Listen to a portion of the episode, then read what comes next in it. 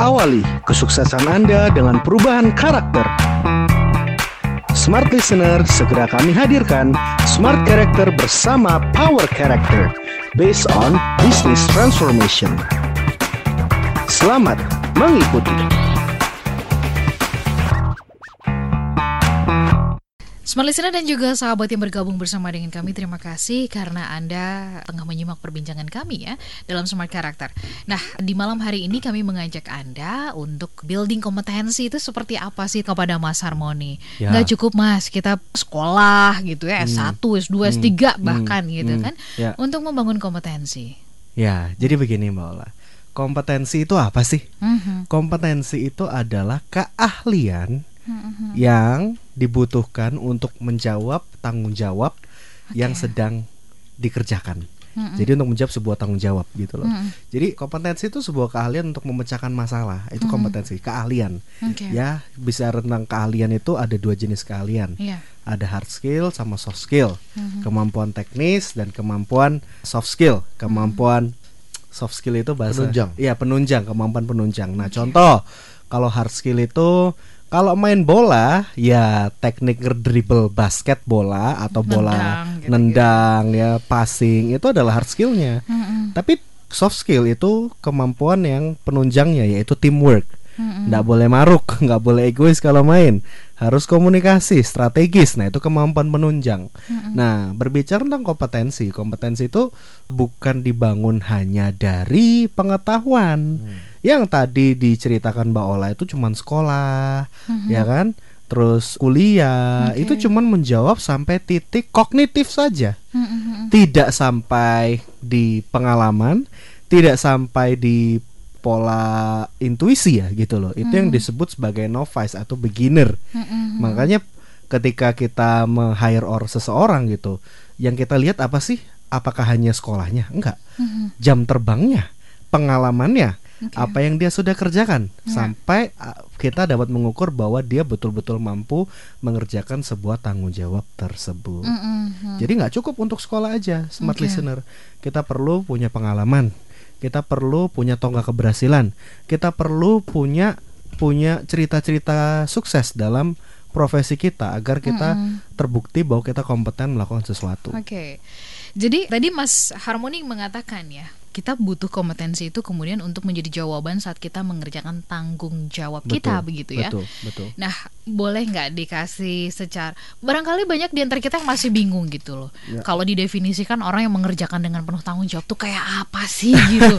ya kan? Ya betul, betul, betul. Masih maksudnya apakah cukup hanya sekedar misalkan 9 to 5 itu udah tanggung Nah, tanggung jawab atau aduh. gimana Ya, gimana? ya setuju. Thank you Mbak Ola udah membahas pertanyaan ini. Ini karena penting karena banyak orang bekerja hanya untuk uang. Mm-mm. Dan itu nggak salah gitu. Tapi hanya saja ketika kita terbatas kerja kerja terbentur hanya untuk masalah perut, ya kita nggak akan punya kompetensi yang melebihi dari orang seorang staff. Mm-mm. Sedangkan kalau di kita mm, meng-hire seseorang kita mencari orang yang capable untuk problem solving, Hmm. yang bekerja bukan hanya sekedar uang, dia harus punya Oke. berpikir secara holistik.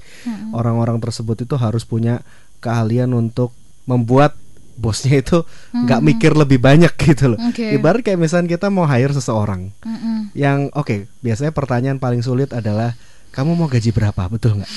ya kan? Gajimu mau berapa? Ya udah banyak yang mikir, eh mau saya mau bilang 4 juta, 5 juta lah. Sekarang di saya tanya balik aja mau jawab pertanyaan itu gitu. Mm-mm. Kamu bisa ngasilin berapa? gitu loh. Ya, kalau seorang entrepreneurship kalau meng-hire seseorang itu rumusnya biasanya minimal satu banding 4 Ya. Kamu minta gaji 5 juta, boleh? Boleh. Kamu bisa ngasilin 20 nggak? gitu loh. Kamu gaji 20, boleh? Bisa ngasilin 60 nggak? Bisa ngasilin 80 nggak? Gitu loh. Nah, jadi ketika kita punya konsep berpikir seperti itu, kita harus menyadari berapa seberapa sih harga kompetensi kita, Mhm. seberapa pentingnya kompetensi kita, gitu loh. Kalau Iya. misalkan kompetensi kita sudah terlalu umum ya jangan heran lah jadi semakin murah Mhm. gitu loh. Kalau Oke. kompetensi kita semakin langka, semakin unik, ya kita akan semakin dicari Hmm, gitu. hmm, hmm. Jadi makanya kita jangan bekerja hanya untuk uang tapi berpikirnya mulai gini sejak kuliah nih. Saya rasa smart listener yang adik-adik yang masih kuliah nih mesti sadar juga gitu loh. Lu jangan mikir kuliah lulus terus kerja. Lu mesti nyadar bahwa sebetulnya kenapa sih ku, jurusan kuliah diciptakan? Mm-mm. Kenapa sih ada begitu banyak jurusan? Bahkan yang aneh-aneh ada ada jurusan mayat, ya, ada jurusan forensik, Mm-mm. ada jurusan vlogger ya. Iya, iya, iya. Jurusan itu semakin hari semakin bertambah gitu, Semakin mengikuti spesifik ya. semakin spesifik. Iya. Tahu kenapa? Karena mengikuti kebutuhan dunia ini. Oke. Ibarat dunia ini sakit, Iya. obatnya apa? Ya jurusan-jurusan itu. Iya, iya, iya. Nah, jadi oleh sebab itu kerja bukan hanya cari duit, tapi menjawab kebutuhan. Menjawab kebutuhan. Keren, bukan hanya mencari tapi menjawab kebutuhan. Saya mau ke Mas Konan sebentar ya. Ya, Mas boleh. Konan banyak anak-anak muda gitu ya, anak-anak yang baru lulus ketika cerita atau sharing dengan saya begitu. Mereka dilema ketika mau menerima sebuah pekerjaan. Ya, ketika tahu misalkan gajinya belum seberapa, itu mereka bentrok dengan orang tua. Ya, karena orang tua ekspektasinya loh, kamu kan udah sarjana gitu kan. Kamu kan udah S2, harusnya gajinya tinggi dong gitu kan. Ekspektasinya gitu. Ekspektasinya gitu gitu. Akhirnya bingung dilemanya adalah saya terima nggak ya? Saya terima nggak ya? Terus saya gimana nih ngejelasinnya ke orang tua? Orang tua ternyata pada umumnya taunya begitu mereka udah da- dapat ijazah Mas Konan itu mereka layak dihargain tinggi. Nah, bagaimana kemudian Anda melihat kondisi ini dan bagaimana kemudian ini bisa dijelaskan kepada banyak kita? Silakan. Ya, waktu saya balik dari Jerman ke Indonesia juga sama. Ibu saya Hmm. Sama ya? mempertanyakan dalam artian ketika kamu di Jerman kan income-mu pasti jauh lebih besar dan itu iya ya. Tapi ya, tapi saya orang yang tahu gitu loh, saya mau ke mana Mm-mm. dan apa yang saya suka dan apa yang saya mau sungguh-sungguh kerjakan Mbak Ola. Mm-mm. Dan itu memang kita nggak bisa menjawab langsung ya keraguan dari orang tua. Tapi yang penting selama kita serius ya maju terus dengan apa yang kita mau kerjakan gitu. Nah pembuktian itu dengan waktu. Oke. Nah banyak orang sebenarnya dianya juga bingung. Dia bingung akhirnya meyakinkannya juga setengah.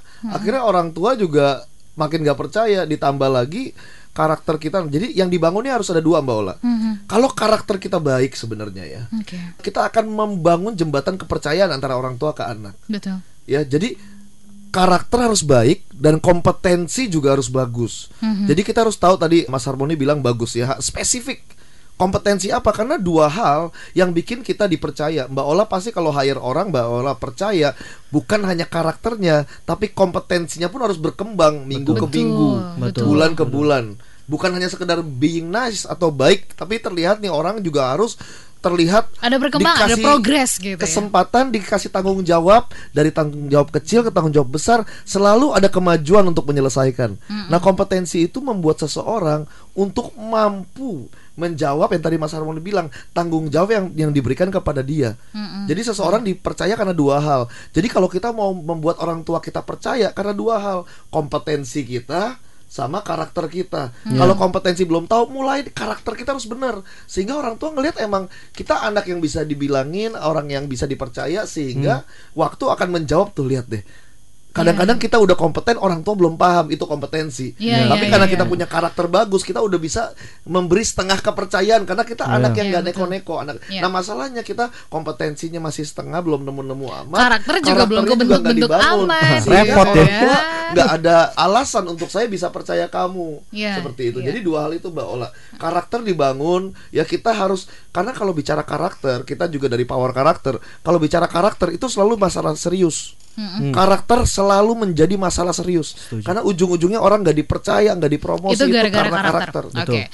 Mas Harmoni, kemudian juga Mas Konan, Mas Hans, ketika seseorang belum merasa bahwa kompetensi saya belum bagus gitu, secara psikologis mereka kan ada di level yang secara kepercayaan diri itu masih, duh gimana ya, ini kan udah pada senior senior nih. Nah in- ini ini ini bagaimana, Mas Hans silahkan. Iya, jadi itu normal sekali ya Mbak Ola ya untuk orang-orang yang merasa belum kompeten di bidangnya gitu ya. Merasa kurang percaya diri dan sebagainya. Yang perlu kita ketahui di kalau kita dari sudut pandang karakter ya di Power Character selalu dibahas, kita itu punya yang namanya modal Mbak Ola ya. Setiap kita punya yang namanya modal. Modal apa sih? Nah, kepribadian kita, setiap kepribadian kita itu adalah modal kita. Ya kepribadian kecenderungan kepribadian kita ya. Kalau kita memang pada dasarnya orangnya semangat misalkan. Pada dasarnya memang orangnya suka bergaul. Pada dasarnya memang orangnya berani bertindak. Nah Iya. hal-hal tersebut adalah modal sebenarnya ya. Tinggal diisi apa? Pengetahuan ya. Nah itu semua kembali ke diri kita ya. Kecenderungan kepribadian ditambah nilai-nilai ya misalkan nilai-nilainya apa? Kerja keras integritas ya. Itu nilai-nilai yang kita dapat mungkin didikan orang tua ya nilai-nilai yang kita dapatkan dari pengalaman-pengalaman hidup ya. Ditambah dengan kecenderungan kepribadian yaitu potensi kita itu nanti jadinya sebuah kompetensi ya ya. Kita latihan ya kita cari tahu. Ketika kita nggak tahu kita mau cari tahu ya. Nah ketika ada kesulitan kita nggak tolak kesulitan ya. Ketika ada kesempatan ya kita nggak tolak kesempatan. Kan ada orang yang malu-malu mbak Ola. Ya kan? Exactly. merasa nggak percaya diri dia tolak aduh jangan gue deh gitu kan ya. Yang lain aja deh. nah yang lain Ya. yang lain aja deh gitu kan ya. Malu-malu ya. Padahal sayang mbak Ola ya. Karena kesempatan nanti berpindah tangan ya. Orang lain yang ngambil ya. Padahal kita seharusnya mikirnya kalau bukan gue siapa lagi? Ya kan? Kalau bukan sekarang kapan lagi? Ya kan? Nah padahal kita tahu ya kita itu bisa sukses kita Oke. itu bisa memiliki kompetensi lewat kondisi-kondisi yang tidak ideal seperti itu. Ya. ketika kita nggak suka Oke. tapi kita tetap jalan. Ketika kita ngerasa takut kita tetap maju. Ketika kita gagal besok kita coba lagi. Nah orang sukses itu terkenal bandel mbak Ola. Hmm, maksudnya bandel tuh bukan badu, bukan badung gitu ya Ah, tapi ah, tapi eh, tahan uji en- iya, gitu ya, endurance. endurance-nya. Nah, jadi bandel gitu. Dipukul dijatuhin dia membal kayak, kayak bola. film kartun ya. nah. Udah kelindes hidup lagi. Nah, gitu kan. Kelindes hidup Be- lagi. benjol ya kan? Eh, ting, ting, ting, ting, Iya kan ada benjol. burung gitu ah, ya. ada burung. Habis itu benjolnya hilang maju lagi dia tetap ngelakuin coba Oke. lagi. Nah Ini kayak film Tom and Jerry lah ya. nah ya begitu kan. Memang nggak pernah kapok gitu. Nggak warna kapok. jadi memang bener. itu salah satu karakteristik orang yang memang sukses. Emang nggak bisa dibohongi. Kita tahu Thomas Alva Edison dia gagal berapa kali ya kan? Ya. Steve Jobs ya. Bill Gates ya. Mark Zuckerberg ya kan? Dia orang-orang yang memang nggak pernah berhenti mencoba. Kadang-kadang ada pengorbanan-pengorbanan yang dia harus lakukan demi mencapai visi yang dia udah tetapkan seperti itu Oke, kadang-kadang kan ada perasaan kalau misalkan nanti kita terima sebuah job begitu ya, tanggung jawab, ini ada ketakutan. Nanti saya lagi yang disuruh, tuh kan? Saya lagi kan? Nah, tuh kan saya lagi kan gitu. Nah, banyak orang yang menghindari tanggung jawab karena merasa akan terbebani dan akan tersita waktunya. Mas Konan melihat kondisi ini seperti apa?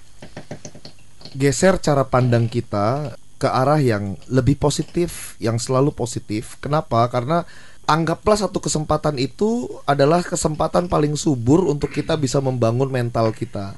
Karena yang dipertahankan, yang dicari adalah pekerja-pekerja dengan mental yang kuat, bukan mental pengeluh, Mbak Ola. Kebanyakan orang, rata-rata orang kalau dikasih job desk tambahan akan mengeluh seperti tadi. Kebanyakan orang ya jadi jangan jadi orang kebanyakan kalau anda pengen bener-bener dilihat berbeda. Kecuali kita nggak mau saya sama kayak yang lain ya. Itu kalau sudah nggak mau saya sudah nggak bisa bantu. Tapi supaya kita bisa dilihat berbeda jadilah orang yang berbeda. Karena rata-rata orang itu hitung-hitungan. Ketika dikasih kerjaan tambahan dia kenapa saya melulu?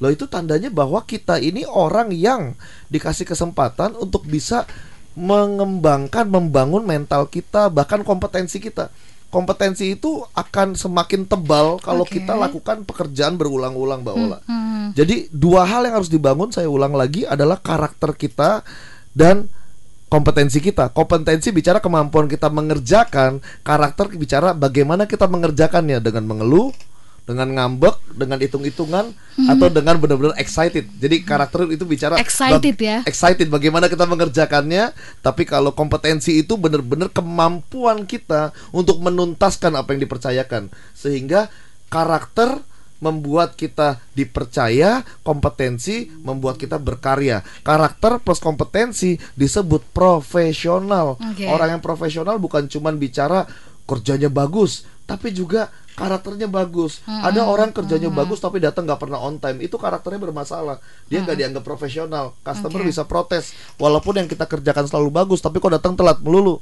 Atau kebalikan, bukan hanya karakter hanya atau bukan hanya karakter bagus, tapi dia juga harus mampu menghasilkan karya. Nah, dua hal ini disebut profesional. Oke. Terima kasih untuk Anda semua yang sudah menyimak. Semoga perbincangan kami ini bisa memberikan semangat, motivasi, dan inspirasi untuk Anda. Baru saja Anda menyimak Smart Character bersama Power Character based on Business Transformation.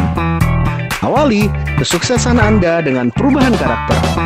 Terima kasih dan sampai jumpa.